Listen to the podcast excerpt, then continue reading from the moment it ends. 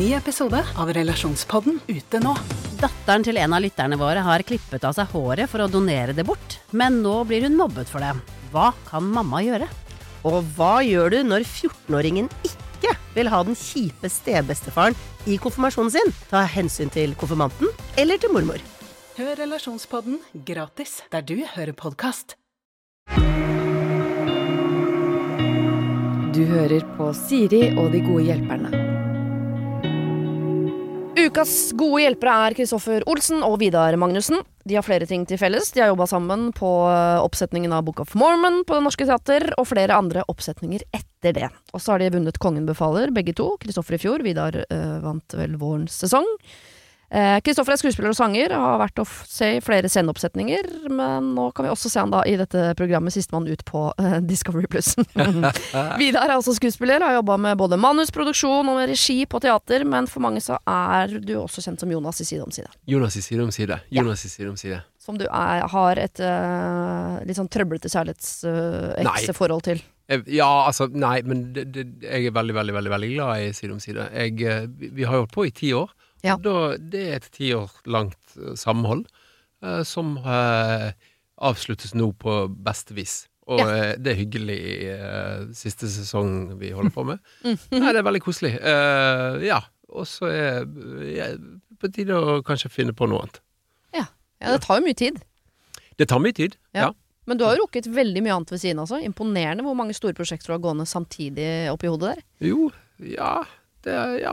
Det er hyggelig. Takk. Eh, dere skal få en bunke med problemer av meg. Fem problemer mm. eh, totalt, på rekke og rad. Vi skal begynne med litt sånn forelskelse. Mm. Er det noen av dere som kjenner, kjenner, på forelskelse fortsatt, eller er det ja, jeg kjenner definitivt på forelskelse fortsatt. Jeg ja. har ikke rukket å gjøre meg ferdig med forelskelsesfasen med samboeren min, Nei. fordi vi har jobba så intenst kjapt. Dere fikk jo barn på første date, nesten. Ja, det var ikke så fryktelig langt unna, i hvert fall. det er godt gjort. Eh, ja, det er ganske godt gjort. Vi eh, Slo dere oss? Vi feira treårsdagen vår uh, ja. for uh, en ukes tid siden. Oh, shit. Uh, og nå har vi kjøpt rekkehus, vi har kjøpt bil, vi har fått barn. Vi har fått ett barn til. Mm -hmm. og har masse, masse gjeld sammen. Ja. og rekke det på tre år, ganske bra. Det er jævlig godt levert. Men når ble dere gravid etter kjærligheten inntraff? Etter at kjærligheten inntraff, så uh, gikk vi Altså, vi rakk å bli lei oss for at vi ikke hadde blitt gravide uh, ennå. Oh, Oi, shit. Uh, da blir du fort lei deg. Ja, da blir jeg fort lei meg. uh, det var såpass at jeg blei sendt til en sædklinikk ja. for å teste sæden min for å se om vi noen gang kunne få barn. Uh, men så blei jeg gravid uh, måneden etterpå, ja. og det var måned tre av vårt forhold. Oh, shit! Så dere begynte aktivt å snakke om nå må vi få på noen unger her første liksom, uka som kjærester? Ja, første døgnet, tenker jeg. Oh my god, Da er dere riktig for hverandre. Bare få, få det gjort. Ja. Mm. Men jeg husker vi gikk, eh, vi gikk i Botanisk hage uh, på Tøyen, og begge var litt mutte fordi uh, uh, toget hadde gått den ene måneden. jeg kommer ikke til å bli gravid den måneden. Nei. Nei Uff, nei. Fire uker til neste gang jeg er fruktbar. Da må nok jeg på sædklinikk og sjekke om det kan gå an i det hele tatt. Rakk du å være på sædklinikk? Ja, ja. Jeg har kjempesperm. Kjempesperm. Ja, ja, ja. Masse futt i kara. Ja. Og det gikk jo fint. Ja. Og det gikk fint andre gangen òg. Du, jeg vet ikke om du var imponert eller skuffa over at han slo deg, men var, øh, jeg synes det var litt samme historie? At dere gikk i Botanisk hage og snakket om på uke tre at nå må det skje noe snart? Eller? Nei, men vi var vel øh, åtte måneder ut i forholdet, øh, så ble vi gravid. Ja. Og, da, og da, var, da hadde vi hatt vår første krangel òg samtidig. Så krangelen var kvelden før, og så etterpå ble vi gravid, oh, husker nice. jeg. Uh, og da bare Ja, men ok, men da bare kjører vi på. Uh, nei, så vi uh, Nei, det Da var hun vel antakeligvis gravid under den krangelen? Under den krangelen, ja, ja. ja, ja, ja. Nei, men vi Bare for å svare på det med kjærlighet Det har fått litt Det har blomstret litt Det går i bølgedaler, det der. Så jeg er inne i en forelskelsesfase for tiden. Uh, og det syns jeg er veldig artig. Men det kan hende òg, for jeg følte at vi var ganske rask på labben uh, i, i, i hine hårde dager. Dette er jo 40 år siden nå. Jeg har jo gamle barn. Men, uh, men jeg, jeg, merker at ja, det var ganske kokete i den perioden. Så jeg er mm. imponert over dere som holder forelskelse og alt mulig gående i den fasen dere er i nå, med Ja, den blir, for, null det, søvn. men det er fordi den blir, den blir liksom satt på vent hele tiden. Ja, vi, det har det. ikke, vi har ikke mulighet til å drive med forelskelsesgreiene helt. Men da kan jo du fryse den ned, eller i hvert fall bare kjøle den ned, Ja. og, så, og så ta den ut Ja, av kjøleskapet. det er, jo, det er jo helst det. Det ligger, det ligger ulmer baki der. Jeg gleder meg til å høre hva dette problemet er. Ja, Det har ikke jeg lyst til å snakke om i det hele tatt. Jo da, vi skal ta det. Det er Ragnhild som har sendt inn. Hun eh, skriver Hei, mitt lille problem er at jeg har forelsket meg eh, for første gang på mange år. Etter et litt giftig samboerskap som ødela meg totalt. Jeg mener selv at han er min nye sjelevenn, men jeg vet ikke hvordan jeg skal gå fram for å finne ut av om han også er interessert i meg. Vi omgås noe på treningssenteret da han er daglig leder der. Jeg prøver å flørte, både på trening og på privaten, men er så uerfaren som jeg er, så jeg kan ikke sånne ting. Jeg er redd jeg skal få avslag, av at ting blir annerledes mellom oss, og jeg vil jo ikke miste vennskapet. Jeg blir veldig nervøs og sjenert rundt han ofte, og føler det stopper motet mitt til å ta sats. Hva skal jeg gjøre? spør Ragnhild. Det må jo være en relasjon utenfor treningssenteret òg, fordi hvis det bare er en fyr du treffer i resepsjonen på Sats eller Lixia eller hva det heter nå, så tenker jeg at det vennskapet, det, det tåler du å miste. Det går fint. Ja, det tror jeg òg. Ja, det må være Men det er noe med maktbalansen uh, i forholdet når man er inne på gymmen, da. Hvis Ja. han er daglig leder, mm -hmm. uh, så ville jeg trukket meg litt ut av treningssenteret for å kontakte den, tror jeg. Ja, ikke avsluttet medlemskapet for å liksom eller, Nei, nei, jeg, jeg, det, det er vel ikke noe lærer-elev-forhold. Det tror jeg ikke. Nei. Men å gå rett til daglig leder for å flørte? Jeg vet ikke helt. Ja. Men hun, er, hun har bare medlemskap der. Hun har bare Ja. medlemskapet. Ja. Ja. Ja, nei, ja, ja, men så er jo det, er litt uh, snasent sted. Det, altså, det, det, jeg skjønner at treningssenteret kan ha litt flørt latent. ja. At det, det, det er en fin arena òg. Men eh, Men hun sier at uh, jeg prøver å flørte både på trening og på privaten, så hun treffer han jo på en eller annen arena det må også. Ja. finnes et liv Og det er utenfor der-. Du mener at det skal legge støtet der mer enn på, på treninga? Fordi der er begge liksom i sivilt, eller hva jeg skal si? Ja, Ja. Jeg, te jeg tenker det. At de, at de møtes på en litt annen måte utafor det treningssenteret. Ja. Mm, det er interessant å vite hva, hva type privat hun mener her. Enig. Ja. Jeg er helt enig. Eh, fordi det kan jo være så mangt. Det kan være, hvis, det, hvis det er felles venner eller et eller annet sånn at de ganske ofte møtes, så har jo du plenty med muligheter. Ja. Men hvis det er av og til privat, så må hun være ganske sniperaktig i sin flørt. Hvis hun ikke har så mange tidsvindu å flørte i. Skjønner. Um, Men la oss anta at de møtes innimellom på privaten i en eller annen setting. eh, Mm. Fordi eh, frykten hennes er jo universell uansett. Hvordan skal jeg tørre å flørte når eh, den flørten kan føre til et avslag som gjør at det å treffe han på treningssenteret og på privaten etterpå blir kleint? mm. mm. Eh, hva, hvordan skal hun liksom få guts til å tørre? Eh, Men, og ja, da stiller jeg meg følgende spørsmål. Hvilken grad eh, flørter hun på? Eh, for det fins koselig Jeg ser deg i øynene, og vi holder blikket i 15 sekunder. Det er en flørt som kanskje er litt diffus og Ja. rar. Men uh, fy faen så hot du er i de stramme satsbuksene dine. Uh, du burde faen meg uh, gjort greier på rommet sammen med meg. Wow. Det er veldig tydelig flørt. Lenge siden Ja. du har flørta. ja, jeg tror jeg aldri har gjort det. Men, eh, men ja, graden av flørt tror jeg For det, ja, hvis hun, hvis hun bare flørter med småstein, så Det er jo ikke sikkert han plukker opp flørten. Det høres litt ut som han ikke gjør det. Ja, for jeg tror veldig ofte, i hvert fall kanskje jenter, flørter eh, fordi de eh, inni hodet sitt har så mye følelser og tenker at de flørter, og så er det ikke det de driver med. Det oppfattes ikke. Det, det, er, det er mitt inntrykk av damer òg. At, de, at de flørter De tror de flørter. Mm. Leses ikke som flørt i det hele tatt. Husk at menn som regel er enklere enn som så. Mm. De liker 'Nå flørter jeg!' capslock. Se på meg nå! Skjer det nå? Nå skjer det. Ja, det føles jo som om menn er litt mer sånn fram med brystkassa for å vise seg fram. Ja. Det føles som en sånn fugleverden når vi driver og flørter, eh, at vi bare skal skyte fram brystet og, og vise oss fram for den vakre kvinnen. Mm. Men jeg også har litt det inntrykket at øh, jeg, jeg, jeg syns det er vanskeligere å lese flørting fra, Fra, jenter, ja. Ja. ja. Samtidig som jeg oppfatter jo at gutter er mer innbilske enn jenter, så bu- burde jo sånn sett på en måte være lettere. Ja. for jenter å flørte med gutter fordi dere har liksom litt sånn bedre selvtillit enn oss ofte. At Men du, er du må kanskje flørte ganske hardt da, Ja, det tror jeg også. for, å, for å få oppmerksomheten til eh, selv en innbilsk eh, gutt.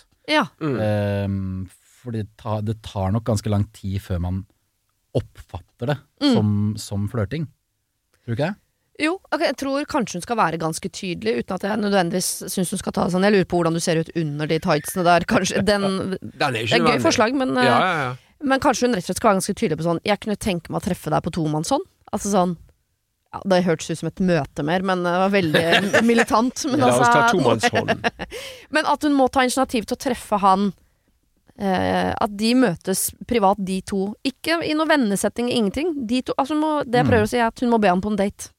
Ja, det tror jeg er et godt uh, første steg. Ja, for date nå til dags er jo, har jo eh, en mildere Det, det syns jeg jeg tilhører en mildere kategori enn det en gang gjorde. Som en, de, så en date er liksom det, det går an Vi tester ut noen greier her. Vi bare jazzer litt rundt uh, dating. Mm. Uh, så, så, så jeg òg er enig det- en date er mindre farlig. Altså i forhold til at hun er litt redd for å bli avslått, uh, så kan en date være bare sånn Skal ikke vi bare ta en date? Mm. Tror jeg kan ha mm, Men igjen, hun er jo veldig redd for å være avslått her. Ja. Uh, og hvis den frykten er så stor, uh, så jeg, jeg skjønner at man da ikke tør helt. Altså det, det Men trenger man å bruke ord som date, da, for eksempel? Nei. Eh, det er jo veldig eh, tydelig at disse to har en eller annen form for kjemi. Mm. Eh, så et første skritt kan jo være å ikke si eh, 'bli med meg på en date', men 'jeg syns at du og jeg skal gå og ta en øl sammen'. Ja. Jeg tror vi har masse kult å prate om. Ja. Mm. Og da har man lagt opp til Da har man lagt en forventning om at eh, ja, vi to skal være aleine, så det kommer til å skje. Men det er ingen som har satt noe eh, stempel på hva dette møtet egentlig er. Det kan like godt være to stykker som har god kjemi, som bare skal preike litt seg imellom. Ja. Men det kan også være en date. At man har lagt opp til noe som kan være begge deler, da. Ja, og så tenker jeg sånn, det blir mye ikke sant? Hvis hun ber han ut på denne ølen eller kaffen eller hva, så blir det jo Hvis han sier ja til det, så kommer det til å gjøre at det blir lettere å flørte. Det tror jeg òg. Eh, men, og hvis han sier nei til det, så ja, det gjør vondt, men eh, det er bare hvordan du da oppfører deg etterpå som avgjør hvor kleint dette blir. For hvis du da sier sånn nei vel, ok, greit, jeg prøvde, eller Og så bare går du videre, og så må du fake at det plager deg ikke. Én gang, kanskje to ganger. Tredje gang du er på den uh, tredemølla, så, så har du faktisk glemt det litt. Ja. Så, og det, du må være villig til å investere det, hvis dette er det du tenker at er sjelevennen din, hvis ikke du er interessert Mm. eh, nok til at du kan eh, være At det kan være kleint to ganger på et treningssenter. Nei, da Ja, for Da å få det man vil ha, så må man betale litt. Man må det. Ja, Man må det. For du man kan- må svi litt. Jeg synes det er så rart sånn Jeg har veldig lyst til at du skal vite at jeg liker deg veldig godt, men jeg skal ikke si det. Nei. Det du får gratis, er ikke det du egentlig vil ha. Nei, du må be om det, og så må du stå i det. Og være deg sjøl. Være tro mot deg selv. Bare tro mot deg selv. Ja. Først og fremst være tro mot deg selv. Denne uken har eh, Siri og De gode hjelperne et samarbeid med utstillingen The Mystery of Banksy, A Genius Mind. Den utstillingen kan du se på Økernsenteret i Oslo helt fram til 16. juni. Til eh, tross for at Banksy er verdens mest kjente gatekunstner, så er han samtidig også helt anonym. Det er ingen som vet hvem han er, og en av grunnene til det er at han er etterlyst for vandalisme. Kunsten hans er ikke på utstillingen, det er altså 200 reproduksjoner utført av andre gatekunstnere du kan se på Økernsenteret. Og siden han er så anonym og utilgjengelig, så er det også umulig å få en godkjenning av utstillingen av Banksy selv, men folka rundt Banksy, som kaller seg Pest Control, de gjør kontroller og sier ifra hvis det ikke er godkjent. Og det har de ikke gjort her, og utstillingen er derfor å anse som godkjent. Og jeg tenker at eh, Banksy høres ut som en litt sånn eh, kul fyr, selv om jeg vet jo ikke hvem han er. Jeg bare ser hva han skaper. Uh, og jeg merker at jeg, liksom blir, jeg blir nysgjerrig på han. Jeg husker en uh, tidligere sjef jeg hadde, uh, fortalte meg at Siri, de som hører på deg på radio, de må enten ha lyst til å bli sammen med deg, eller så må de ha lyst til å være vennen din, eller i hvert fall gå på fest sammen med deg. Da lytter de. Eh, Jeg vet ikke om jeg har så veldig lyst til å bli kjæreste med Banksy, vanskelig å si, men eh, det hadde definitivt vært veldig gøy å gå på fest med han eller ha han som venn, bare for å høre litt mer om eh, hva som bor inni det kunstneriske hodet hans. Kjøp billetter til utstillingen på mystery-banksy.no. Her kan du også lese mer om utstillingen. Bruk kodeordet Siri, velg tidsbestemte billetter på hjemmesiden, og få billetter til kun 250 kroner. Koden gjelder til og med 31. mars. Har du et problem og trenger hjelp, ja, så sender du det til meg. Da bruker du Siri, alfakrøll, radionorge.no. Ok, her er den som er veldig opptatt av å være anonym i det neste problemet. Eh, hei, Siri og dine gode hjelpere. Jeg og min kjære trenger sårt noen råd. Vi er i dag i sparemodus for å øke egenkapitalen til bolig. Vi drømmer om hus. Det blir eh, mer juice enn dette, altså. Jeg ser at dere nå er på sånn åh, må vi fram med kalkulatoren? Det skal dere slippe. I dag eh, sparer vi 20 000 kroner i måneden siden vi bor så billig, men vi ønsker å få oss et barn til. Og det er ingen hemmelighet at det koster penger. Hæ? Et ligg på byen er vel gratis, kan du kanskje tenke, men i vår situasjon så er det sånn at vi er to kvinner, og IVF-behandling er absolutt ikke billig. Vi har et barn fra før, og den prosessen kostet oss mellom 100 og 125 000. Det var mange forsøk og mye medisiner. Om neste runde tar like lang tid, betyr det at eh, det vil komme de samme kostnadene, og da er egenkapitalen borte. What to do? Drømmen om bolig eller drømmen om barn? Det er en absurd situasjon å stå i, men alderen vår tilsier at vi må ta et valg. 40-tallet er ikke langt unna.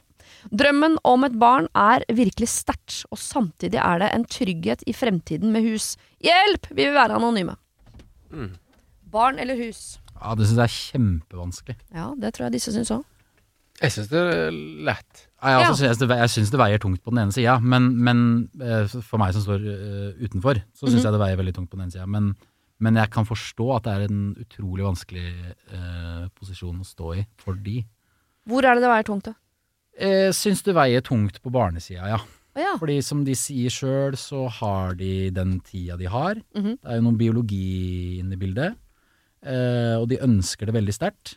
Eh, ønsket om en bolig, det, det vil stå seg eh, etter at den biologiske klokka slutta å tikke også. Ja. Eh, og de kan ehm, eh, Jeg har jo eh, to barn selv, og eh, eh, selve driften av to barn eh, er ikke så mye dyrere enn ett barn. Nei. Så jeg ser for meg at de kan gå tilbake til samme sparemåte. Ganske Ja. snart. Eh, ikke så veldig lenge etter at barna har kommet. Nei. Altså, de bruker opp det depotet de har nå på nytt barn, Mm. og så rist Jeg er enig, de kan risette den økonomiske situasjonen de er i nå. Eh, Et stykke frem i tid, selvfølgelig.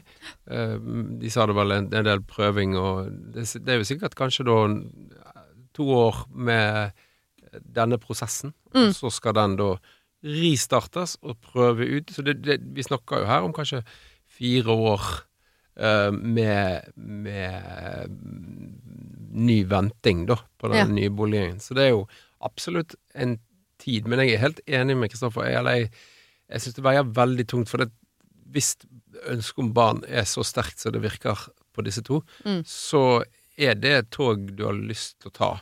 Eh, og de fire årene, hvis det er da de fire årene de har igjen, føler de, uh, eller om biologen sier at det er de årene de har igjen, så, så vil jeg eh, definitivt Altså, det, det, det handler om å angre. Jeg har nettopp pusset opp uh, leiligheten min til så voldsomt at jeg kommer aldri til å klare å økonomisk Hvor mange barn kunne du Leve. ha kjøpt?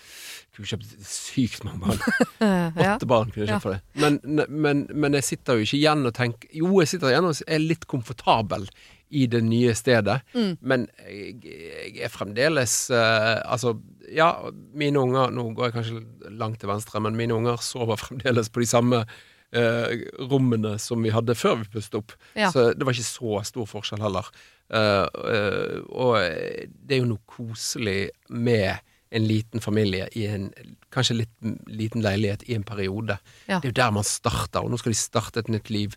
Jeg synes det er, det er noe romantisk med å starte i det små, og så bygge ut. Så når ungene blir fire-seks år, så har de fått denne boligen, og da er det da, da, de, da kan de voice hva de Da kan ungene si 'wow, vi har fått nytt hus', Ja. uh, istedenfor bare gurgle og drite på det huset.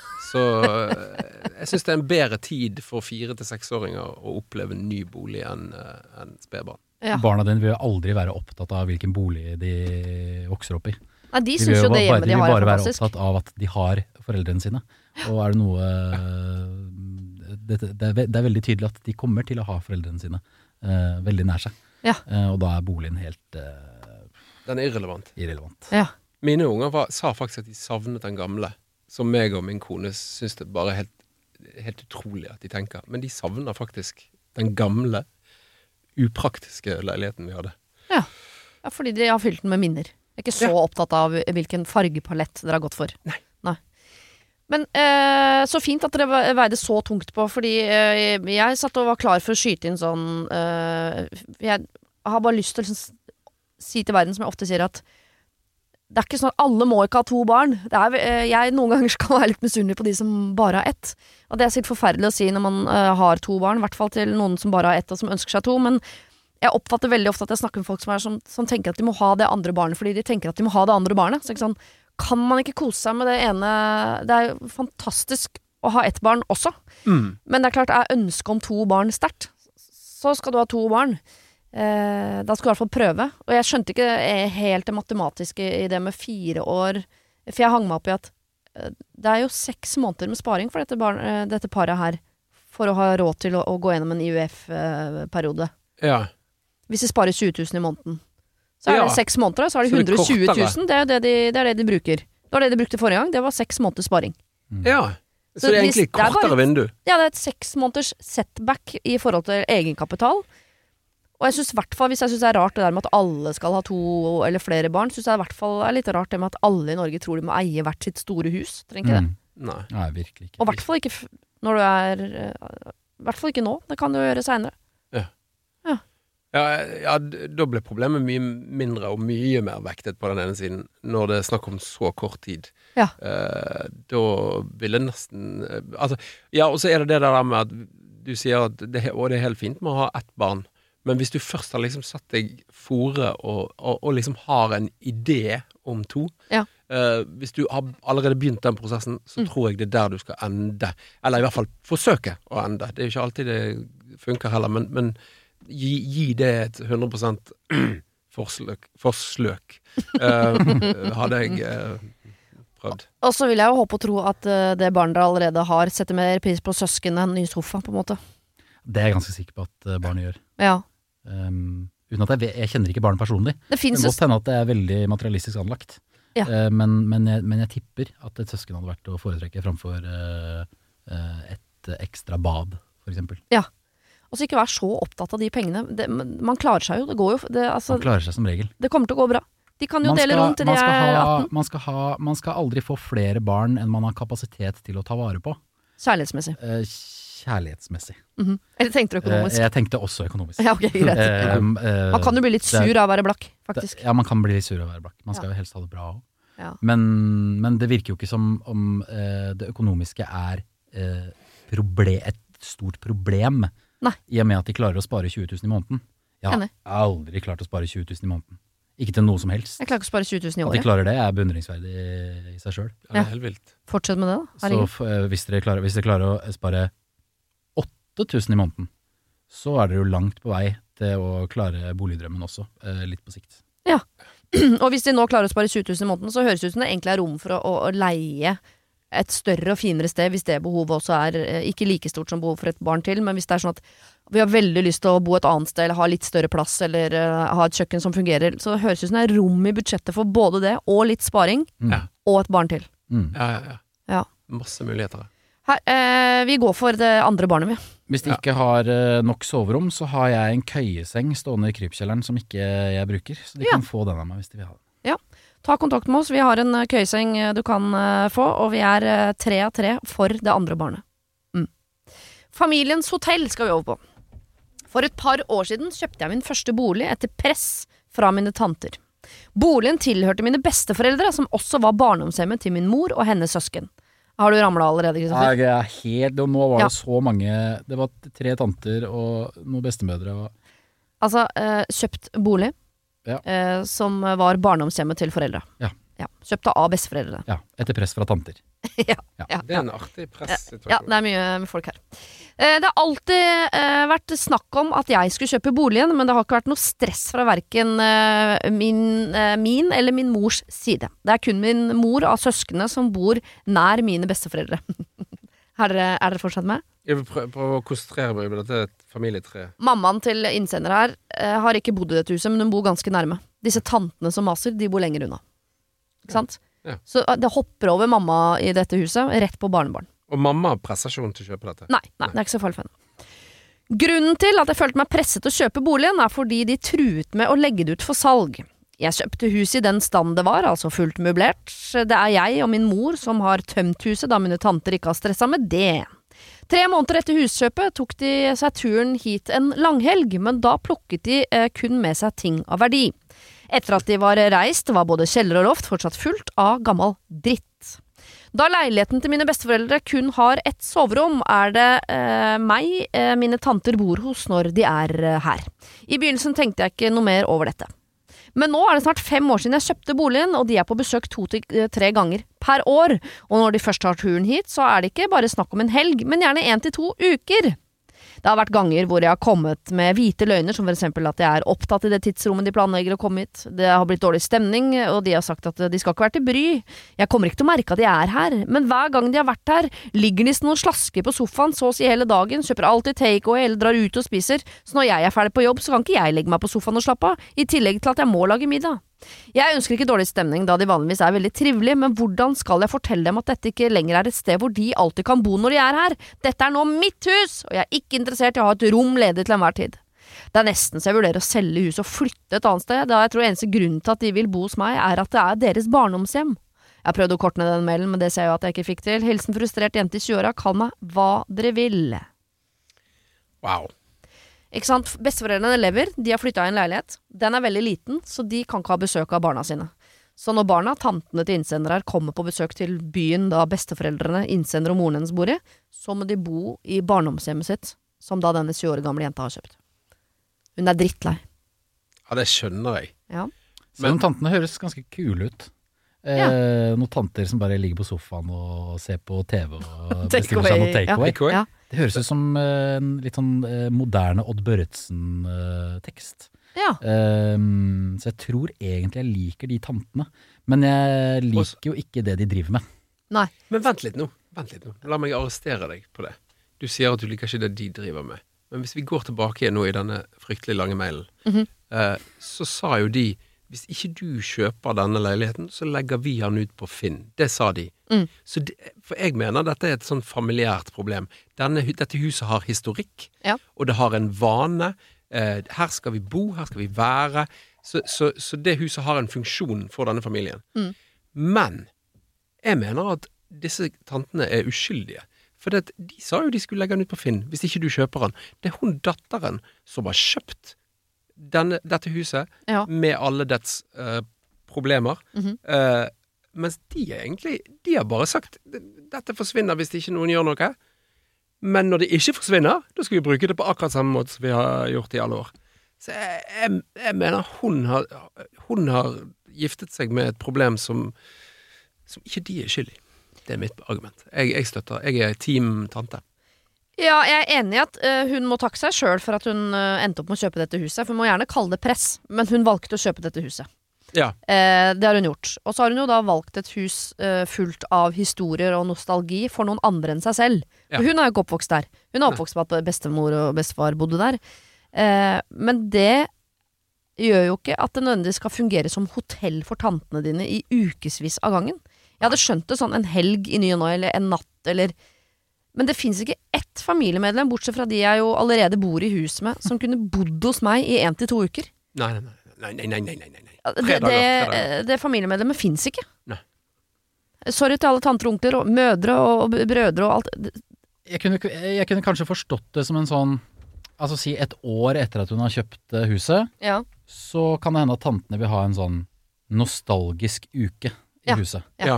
Eh, hvor de ber om lov til å få være der en uke og bare leve i barndomshjemmet en uke. Ja. Og ligge på sofaen der og bestille takeaway.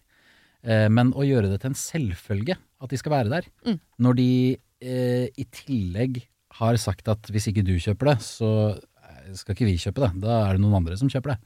Da har de jo ikke gitt seg sjøl retten til å få være der Nei. uansett. Nei.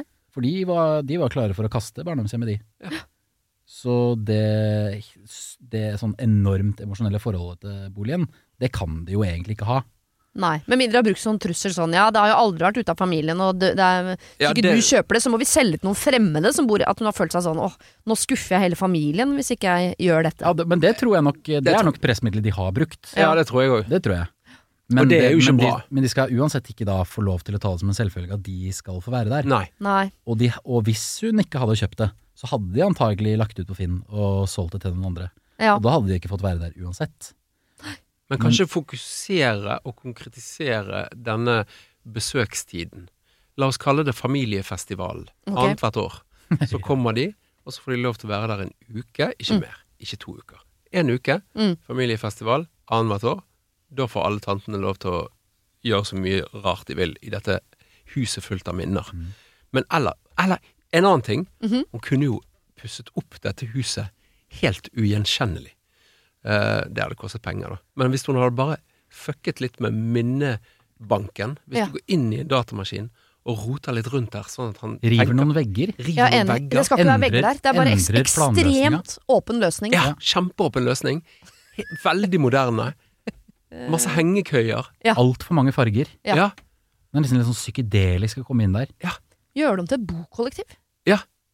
Sett opp flere vegger. Ja, Få inn Alle lille- rommene må være opptatt med Ja, noe. ja. Det er ikke plass. Legg det ut. Man kan jo nærmest opprette et AS også, hvor man eh, har dette uh, Gjør det om til et hotell. Det går an. Ikke sant? Mm. Hvor stort sett alle rommene er uh, ifølge nettsiden utleid, for hun vil jo ikke Ja. ha folk der. Men når tantene skal sjekke inn, skal hun si sånn Ja, denne uka er det ledig, kan sjekke inn. De kan Det jo, koster så mye. ja. Da kan tantene gå inn på Airbnb, og så kan de leie det huset i en uke. Mm. Ja. eh, For så og så mye penger. Og så kan denne 20 år gamle personen uh, dra til Kreta uh, den uka. For de pengene. For de pengene. Det er. Ja, fordi altså, det er mange gode løsninger her i forhold til å rive eller sette opp vegger eller lage familiefestival eller legge på Airbnb og sånn, men hun har jo uh, laget seg et problem med at dette burde de gjort med en gang. For det er noe med Nå har det vært noen år Ja. hvor de tantene har blitt vant til at de kan bare komme og være der en uke eller to av gangen. Så hvis hun plutselig nå setter ned foten, en helt øh, fin fot å sette ned, så kan det bli sånn Oi, hva, hva skjedde nå? For de har jo ikke fått med seg Det er sånn typisk som jeg kan gjøre. Jeg kan eh, irritere meg over noe lenge, men jeg har jo faktisk ikke sagt fra. Så den dagen jeg sier fra, så kan jeg egentlig ikke være sur. Mm. For jeg har ikke sagt fra før. Eh, og det har jo ikke hun her. Hun har jo ikke sagt fra før, så hun kan ikke plutselig bare sånn 'Nå er det nok! Jeg vil ikke ha dere her'. Men kanskje man kan møte problemet litt og heller si sånn 'Vet du hva, jeg skal, jeg skal til Kreta to uker i sommer. Vil dere låne huset?' Ja. Og neste gang de spør 'Kan vi bo hos deg i den og den uka', så må hun være flink til å si sånn 'Nei, det passer ikke'. Mm. Men i eh, november så skal jeg en uke til Island med en kompis. Da kan dere bo her hvis dere vil. Ja. At man må møte liksom forespørsel med et nei, Mm. men hva med? Og så komme en dato hvor det passer for deg at de bor hos deg, som jo da sammenfaller med en, en tid hvor du ikke er deg selv. Mm. Eller hvor du kanskje da For å være grei også, så kan du en uke i året eller noe liksom bo hos mora di, eller hos beste At du flytter ut en uke, og så kan de bare være der. Det tror jeg er lurt. Men I tillegg til å rive alle veggene. Rive alle veggene. Jeg tror man må rekalibrere tradisjonsflyten. Det, Wow. det er eh, wow. Altså, man må rett og slett fikse på hva som forventet tradisjonsmessig av dette huset. Man må skape nye forventninger av huset. Hva er huset for deg? Mm. Ja, nå er det noe nytt. Nå er det to uker der, Airbnb-aktig. Eh, du må rett og slett skape nye tradisjoner, sånn at ikke eh, minnene om huset er det samme som det, var når besteforeldrene bodde der. Ja. Det må, det, må- det må føles fresht, og det kan gjøres med rutiner eller ansiktsløft. Ja. Jeg fant på en kul måte å ljuge på, faktisk. Jeg er jo øh, Jeg heier jo på lett ljuging. Eh, Hun kan jo si neste gang jeg spør Kan vi komme og være hos deg første uka i juni. Si sånn åh, den uka har jeg faktisk eh, leid ut huset. Eh, det kommer noen nederlendere og skal bo her. Eh, 6000, det er sånn jeg finansierer å dra til Kreta med venninnene mine. Eh, men jeg kan kansellere det, men da må nesten dere betale de pengene som ikke de eh, Som de da ikke får betalt, fordi den Kreta-turen har jeg allerede liksom kjøpt på Mastercard. Det- Skjønner dere løgnen? Ja, ja, ja, ja. Den er ikke Ja, dum. jeg syns Den den er så lett. dum. Men han er ikke så lett, nei. Eh, jeg synes den er- jeg synes Jo, men Hvordan skal jeg finne ut? Skal de synes finne disse nederlenderne, da? Eller Jeg er jo for tungjuging, så jeg, jeg er helt med på den. Er ikke den tung og fin løgn, da? 6000 er altfor lite òg, med 15. 15 000. Arab, det kommer ut fire arabiske sjeiker som har fryktelig lyst til å bo i dette huset. De skal betale 25 000 per natt for å bo her. Ja. Og det ville jeg jo bra. aldri tatt fra dere, for jeg er jo veldig glad i dere, og dette er jo deres barnehjem. Dere Men skal jeg få er 25 000 for hele uka. Så grei og raus er jeg. Mm. Og så Det- reiser du til Maldivene i stedet for Kreta. Dette er kjempelurt. Jeg, jeg høres ut som humorforslag, men jeg mener det. Ja, Jeg også mener det. ja, Ja. Gjør det. Jeg er for, jeg er for ljuging. Alltid. Punktum. Og hvis du som har sendt inn nå, du ville jo ikke at tantene dine skulle bruke huset som et hotell, men det gjør de allerede, så hvorfor Ja. ikke gjøre det om til et hotell? Det tror jeg er en lettere vei å gå. Kjempelett. Det er sagt i én setning. Denne uken har eh, Siri og De gode hjelperne et samarbeid med utstillingen The Mystery of Banksy, A Genius Mind. Den utstillingen kan du se på Økernsenteret i Oslo helt fram til 16. juni.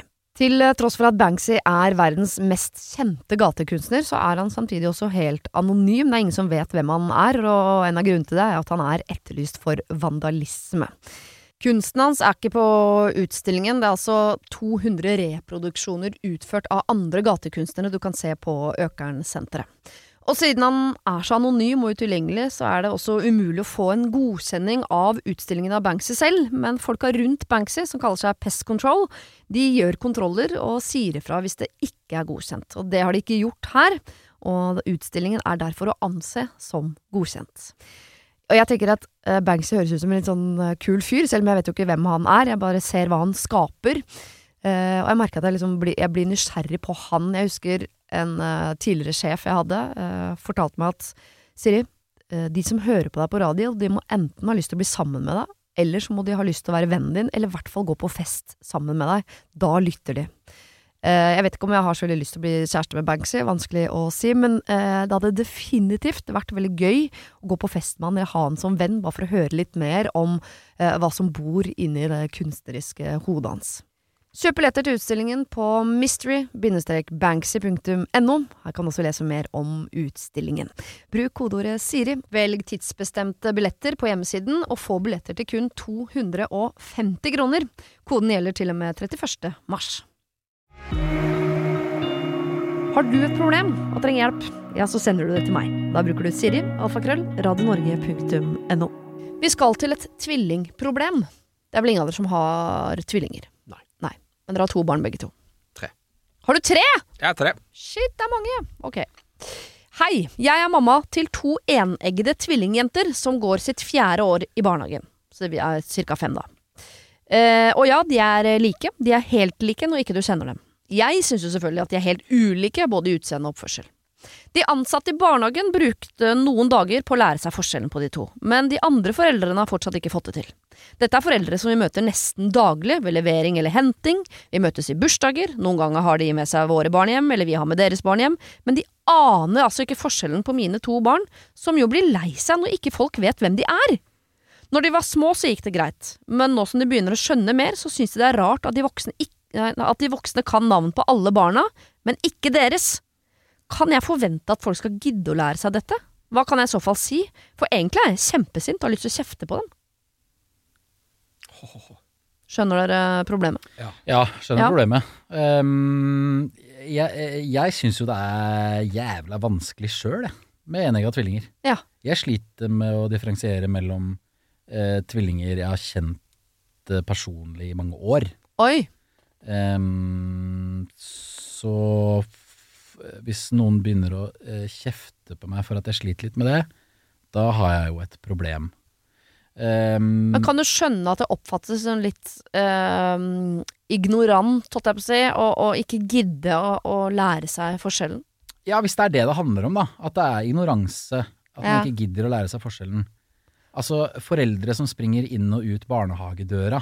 Mm. Ehm, jeg, jeg har veldig forståelse for at eh, barna blir lei seg. Man, Mm. vil jo være, man vil jo være seg selv, og ikke noen andre. Mm. Selv om den andre ligner veldig på deg, så vil man være seg selv. Det kan jeg forstå. Men, eh, men andre foreldre som springer inn og ut eh, Jeg vet ikke om jeg Jeg vet ikke om jeg jeg, jeg, jeg ville ikke likt å få det presset på meg sjøl, at jeg må, må noe som helst. Du, du vil helst ikke ha tilsnakk fra noen andre i barnehagen, om nå må du sette deg ned og lære deg navnet på mine barn. Nå må du lære deg forskjellen på disse to.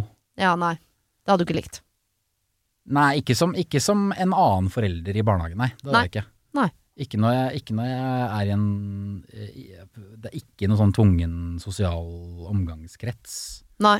Jeg jeg har jo ikke noe med det å gjøre sånn egentlig. Nei. Altså, jeg har jo to vennepar, eh, hvis man kan kalle det som er eh, tvillinger begge to. Mm. Så jeg har null problem med å se forskjell på de Jeg syns det er rart at ikke andre gjør det, men det er fordi jeg kjenner de så godt. At nå nå syns jeg ikke de ligner lenger engang. Men jeg har jo også en datter som har to vennepar som er tvillinger. Eh, jeg har ikke nubbesjans, selv om de er hos oss på daglig basis. Aner ikke hvem som er hvem. Men jeg må jo også innrømme at det handler om interesse. Jeg kunne sikkert satt meg ned og virkelig liksom gått inn for å lære meg forskjell på de ungene, men det har jeg ikke giddet. Men det handler jo om interesse. Og som mor til disse barna, så virker det sikkert sånn at du gidder ikke å bruke fem minutter på å lære deg forskjell på barna mine. Nei, det har jeg ikke giddet. Men det er jo øh, øh, Jeg vet ikke om jeg hadde likt at de hadde snakka hardt til meg om det. Jeg tror jeg bare jeg hadde blitt trassig, kanskje. Men dette er jo ikke et problem altså, det, det er jo et problem som vi ikke har erfart på kroppen. Ja. Uh, og så, se, så kan jeg tenke meg at det ikke er et vanvittig stort problem, men det er likevel et daglig problem. Og, og hvis uh, disse to tvillingene føler noe på det, så er jo det kanskje eh, Før irritasjonen liksom spiser deg opp, så ville jeg kanskje forsøkt å presentere s presentert dette for foreldrene, at eh, når du har tvillinger, så er det av og til litt denne Uh, de, de syns det er litt leit å ikke bli identifisert som uh, et individ. Ja. Uh, så, so, og kanskje hjelpe de litt på veien, at den ene går med blå T-skjorte. Mm. Jeg, jeg, jeg, jeg vet ikke, jeg vil ikke trakke på noe tvillingtær her, men det, eh, hvis eh, det kan hjelpe, Ja. en differensiering, og, så, og kanskje bare forklare at dette for tvillinger kan være litt sårt, spesielt når de er små, eh, så kan jo det hende at det, det, det hjelper til en bevisstgjøring. Men er dette ofte grunnen til at man gjør små tweaks hos tvillinger for å få de til å bli uh, ulike? Altså at eh, en har skillen den andre veien, uh, i motsetning til den andre. Eh, Ja, at én går med klipp i håret, den andre gjør ikke det. Eh, Ja, kanskje veldig ofte så virker det som om eh, tvillinger har en eller annen bitte liten ting som gjør at man kan se forskjell på dem, om det er en føflekk på kinnet, eller noe som man lager, da. Ja. Eh, det sitter kanskje langt inne for foreldre å påtvinge de noe som de egentlig ikke er, hvis de bare er like, liksom. Ja, på sikt så Altså, de utvikler jo forskjellig personlighet på et eller annet tidspunkt, så da Ja. vil jo den ene ha eh, favorittfarve lilla, og den andre rød, ja. og så videre, og skill og ikke skill og det greiene der. Og det er sikkert foreldre også som prøver å liksom gjøre de ulike ved å, å dyrke grønt hos den ene og, og gult hos den andre, eller Ja. spenner og klyper og jeg vet ikke hva. Men eh, da Ja, må Jørgen du jo, da må du jo si ifra. Jonas fra. altså han med sleik, liksom. Ja, men har man løst et problem, for da må du si fra til alle de andre foreldrene i barnehagen sånn Nå har vi gått for at eh, Mona, hun har alltid skill, mens Berit, hun eh, har utslått hår. Bare sånn Da må du sette opp et skilt med det, eller et eller annet. Ja, må, men man må jo ha noe å gå på, da, hvis man sliter med å Ja, det er Se forskjell på det. sant. Det er Ja. litt gi og ta. Kanskje jeg er vrang her, men jeg må innrømme at jeg har, eh, får litt sånn nok noen ganger av at eh, alle andre menneskers problemer er noe Jeg skjønner at de har et behov, men at jeg alltid må ta hensyn til For det her har jo mor et, et valg. Du kan enten oppdra liksom hele bygda til å se forskjell på barna dine, eller så kan du gi barna dine et eller annet verktøy som gjør at dette ikke blir så sårt for de. Du kan sette deg ned med de to som du har Ikke 100 tilgang på, og si Mm. du skjønner det, vennen min, at for folk så er det ikke så lett å se, men kanskje du skal eh, begynne å si sånn Hei, det er jeg som heter eh, eh, Sigrid. At du alltid sier det Mm. når du går inn i et rom eller treffer nye mennesker. Og så, eh, så kanskje de lærer seg det etter hvert, men det er ikke fordi de ikke liker deg eller er glad i deg, sånn som mamma, eller, men, men, men bare det er litt vanskelig for folk. At de barna får den tryggheten, istedenfor at de Fordi plutselig så er det ikke barna så går de på skole, eller de flytter, eller begynner på en fritidsaktivitet, eller får seg en ny vennegjeng, eller et eller annet. Og så må du til enhver tid resten av livet gå rundt med en sånn ulmende irritasjon på at du har lyst til å oppdra alle de voksne i gruppa til å, til å, å forstå eh, deres behov. Mm. Jeg syns jeg er litt mye å forvente av folk. De har sikkert egne behov som ikke blir oppfylt. Jeg er enig. Og jeg, etter jeg fikk mitt tredje barn, så kastet jeg alt sånn øh, evne til å kjenne igjen både foreldre og barn helt på båten. Jeg, Ja. Altså, det har gått mange år nå der jeg bare satset hardt og sagt Hei, Geir. Uh, og bommet hver gang. Uh, og det er For det er ikke så mange som heter Geir. Nei, men jeg liker det navnet. Og så, så, så jeg er sinnssykt dårlig på dette her. Ja. Så, så jeg er enig i at det, det, det, For meg er jo ikke dette et problem. For den tvillingen jeg møter, så kan det være et problem. Ja. Men hvor stort er det problemet i den settingen? Og kan du gi de noen redskaper for å tilkjennegjøre seg? Ja. Er kanskje, det er kanskje det som kommer til å være fiksen som funker. Men å sitte ned og gå på tvillingskole er kanskje for mye å be. Ja, eller å, å forvente en forståelse fra hele samfunnet om at alle skal forstå dine problemer. For ok, dette er et tvillingproblem, så blir det sånn Alle må forstå mitt barn har denne diagnosen, eller alle må forstå at mitt barn har dette behovet, eller alle må forstå at vi har denne følelsen. Det er sånn, nei, alle kan ikke gå og forstå hva alle andre tenker og har behov for hele tiden, men, men kanskje du kan gjøre noe med eh, det lokalt? det er mitt forslag. Hørtes det- ja. 100 Jeg kjente at jeg nesten ble litt irritert av at jeg skulle uh, få det presset på meg. At jeg må kunne skille mellom de to. Ja. Men du blir ikke aggressiv, du blir bare irritert. Jeg blir bare litt irritert. Lettere irritert. Lettere irritert, ja. Mm. Sorry, uh, her fikk du ikke så mye uh, medhold, men du fikk uh, litt hjelp og et råd som handler om at du kanskje må sette deg ned med barna dine og gi dine verktøy som gjør at, eh, at de kan oppdra folk de møter, eller hjelpe folk de møter med å skjønne hvem som er hvem av de to barna dine. Men å ha en forventning om at alle i barnehagen skal bli enige om at nå må vi ta tak i dette, folkens, for det er sårt for Det kunne sikkert gått, men plutselig så er det en håndballen, og så er det en, no, skolen, og så er det, det problemet kommer bare til å følge deg. Så uh, ta bort irritasjonen. Snakk med barna dine. Vi skal over på en hekt. Vet dere hva det er? Et hektforhold. Ja, altså forskjellen på liksom forelskelse og hekt. Mm. Ah, Mm. nytt ord for meg. Ja. Eh, altså, hvem er det som bruker det, da? Hun eh, mm, mm, mm, mm, De som har vært eh, nesten gift 100 ganger nå. Janne Formoe og Ja, Jan Fredrik ja, ja, det beskrives jo som en hekt. Ja. Ok. Hvordan gi slipp? Jeg hadde et såkalt eh, situationship. Det er et nytt ord for meg, men jeg, jeg skjønner det. Jeg skjønner det. Ja. Eh, med en fyr i vinter. Vi møttes bare på fylla, men hang gjerne sammen hele dagen etterpå. Vi snakket skikkelig fint sammen og hadde det gøy når vi møttes, men alt var helt uten forpliktelser.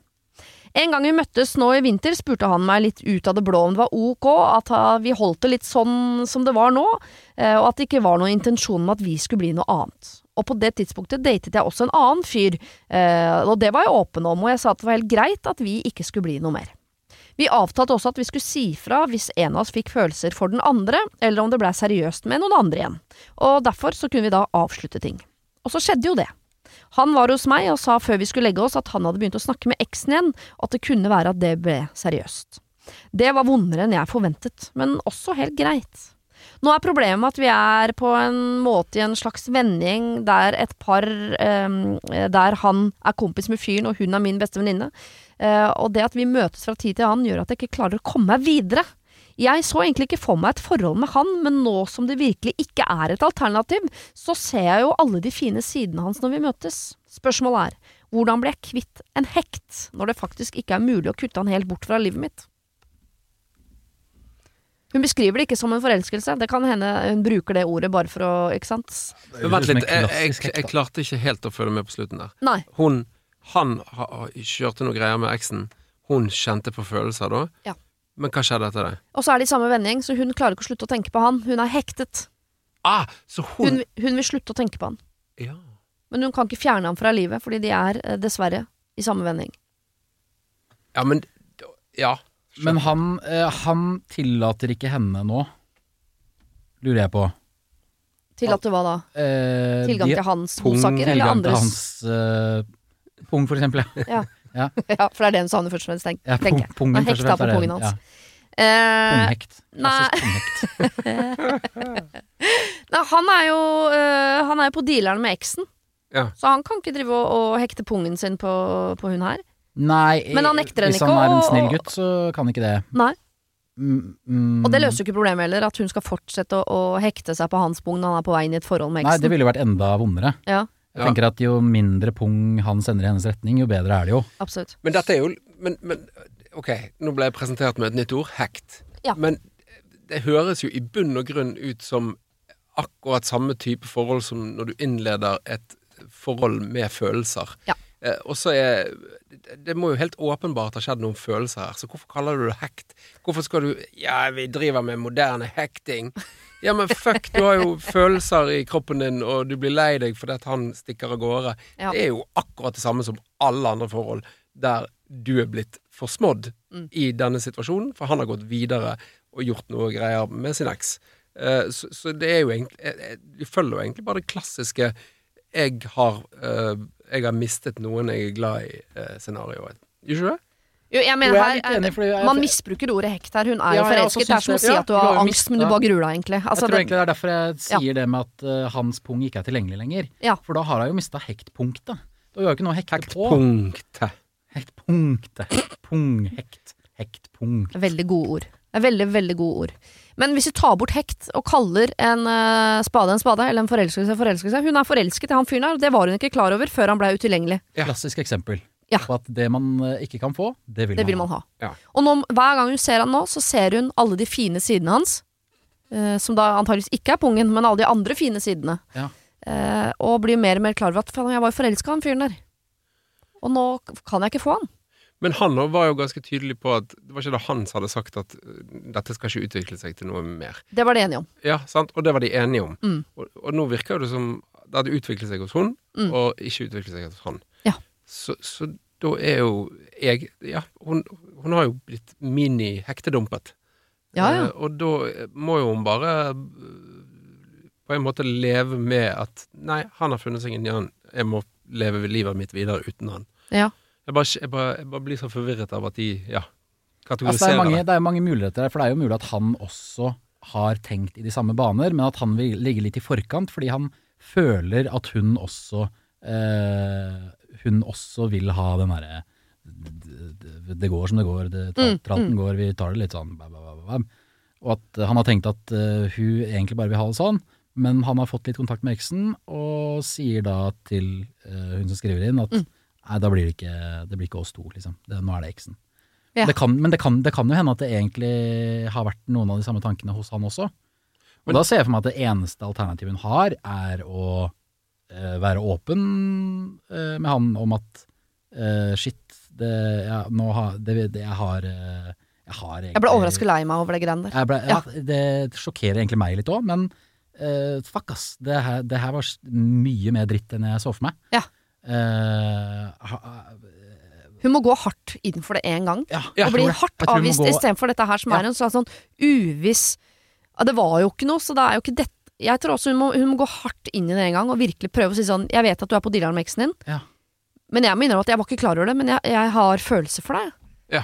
Og så må han luska. enten da bare Å, shit, men det har jo jeg òg, men jeg trodde ikke du hadde, for du var så innmari med på at vi bare skulle uh, uh. Tenk på the moments de kan få! Jeg Eller ikke. må Eller ikke, men da kanskje det blir lettere å gå Mm. videre hvis han sier sånn Å ja, nei, sorry, jeg har aldri vært interessert i deg i det hele tatt, jeg hadde bare lyst til å ligge med deg. Ja. Ok, det var dritt. Ja. Ja. Takk for at du elska kroppen min. Nå må jeg videre. Da går jeg videre. Ja. Til noen som vil ha hele meg. Men da vet jeg det i hvert fall. Ja. For jeg tipper det er litt sånn typisk når man er nyforelska, så kan man jo få seg til å si hva som helst. Jeg tror hvis jeg hadde vært helt sykt nyforelska i en fyr som som var veldig sånn du, vi gidder ikke ha noen forpliktelser, vi bare tar det litt sånn, så hadde jeg bare liksom ok, jeg spiller med på dette her og later som, ja ja, nei, å det er helt uten forpliktelser, og så digg å bare komme og gå, og nei, og ikke ring meg, og drit i det, og jeg tror man kan bli litt sånn opptatt av å bare være, nå skal jeg, eh, nå skal jeg være helt kul på dette. Mm. Og så tillater man seg ikke liksom å sette seg ned og tenke sånn «Ja, men faen, Jeg er jo forelska i fyren. Ja. Nei, det er ikke greit at du driver og surrer rundt, eller jeg surrer. Jeg vil ikke det, jeg vil være sammen med deg. Og det tror jeg hun, det fikk hun Det skjønte hun ikke før han gikk videre. Nå må hun si det til han. Mm. Jeg tror jeg er Det forelska tar i deg. altfor lang tid før man finner ut av det. Ja. Og det toget kan ha gått, men jeg tror det er greit å få det sånn skikkelig sånn Nei, jeg, jeg liker ikke deg. Nei vel. Jeg tror det vil være lettere for henne å gå videre òg, hvis hun blir påkjørt av toget. Det tror jeg òg. Mm. Ok, det er tøft. Pungskjørt. Jeg Siste. Ja. Enig. En siste Den punkt. lå der. Noen måtte ta den. Eh, ok, vi ber deg faktisk nå å eh, ikke bare liksom komme over hektet, som du kaller det. Du skal gå til kjernen, eh, eieren av pungen, og si vet du hva, jeg, eh, jeg har følelser for deg. Og så må du enten da, så kan det bli en fantastisk film, eller så blir du enda hardere dumpa. Ja. Men da er det lettere å gå videre. For da er du ikke hekta lenger, du er dumpa. Mm. Det er satt et endelig punktum. Ok. Eh, det har vært veldig veldig hyggelig å ha dere med som mine gode hjelpere, eh, Kristoffer og Vidar. Lykke til med alle prosjekter. Jeg vet at dere har premierer sammen, og hver for dere, og samtidig, og der eh, høsten blir ja, massiv. Gleder meg til å se dere på plakater rundt omkring. Jeg går ikke på teater, skal dere være klar over, så jeg kommer aldri til å se på scenen. Det var det. Husk å sende problem til siri.radionorge.no om du vil ha hjelp. Denne podkasten er produsert av Klynge for Podplay.